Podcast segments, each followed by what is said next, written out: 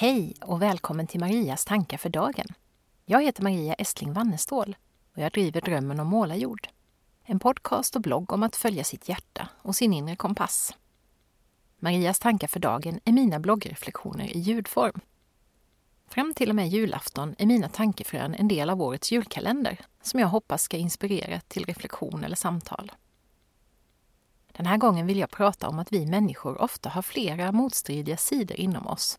Det handlar om paradoxer som rockar. Vi människor vill så gärna, så gärna kategorisera världen och varandra. Svart och vitt, tydliga små fack. Sån är hon, sån är han, sån är jag.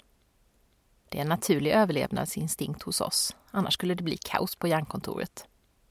Men ibland tror jag vårt kategoriserande begränsar oss. Vi tror kanske att om vi är såna så kan vi inte samtidigt vara såna. Att om vi känner så här så kan vi inte också känna eller göra så där. Att om vi tycker si kan vi inte också tycka så. Men visst är det spännande att utforska kontrasterna och paradoxerna i livet. I våra personligheter, beteenden, känslor, tankar, preferenser. Ja, i allt det där som gör oss till de komplexa varelser vi är. Det här har jag exempelvis upptäckt av mig själv. Jag är både väldigt ordningsam och väldigt slarvig. Jag har till exempel superkoll på mapparna i min e-post, dator och telefon. Men diskbänken är ofta ett enda stort jättekaos när jag har varit där och lagat mat eller bakat. Och det kan göra övriga familjen lite tokig emellanåt. Tack och lov så tar de då oftare tur med den själva än att skälla på mig. Jag har ibland stort tålamod och ibland temperament som en treåring. Tålamodet har blivit bättre med åren. Men jag kan också bli väldigt tjurig och lättirriterad. I synnerhet om jag är trött och hungrig.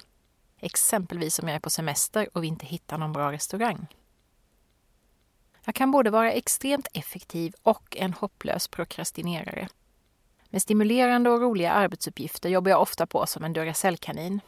Men de där gamla mynten och frimärkena som jag skulle kolla upp om någon var intresserad av. Den där gamla spegeln som skulle få ett nytt glas. Tekannan som min 18-åring gjorde till mig på sin keramikkurs och som fortfarande saknar ett handtag som jag skulle köpa ett tjockt rep till.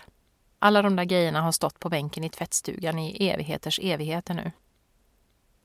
Jag älskar utmaningar och jag är jätterädd för en massa saker. Jag reste exempelvis utomlands med min äldsta dotter när hon var pytteliten, trots att alla andra tyckte att vi var galna.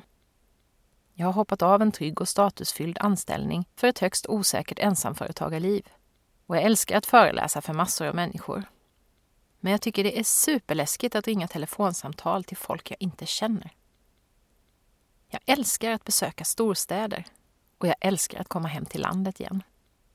Jag älskar både det högljudda familjekaoset och stillheten på min meditationskudde eller yogamatta.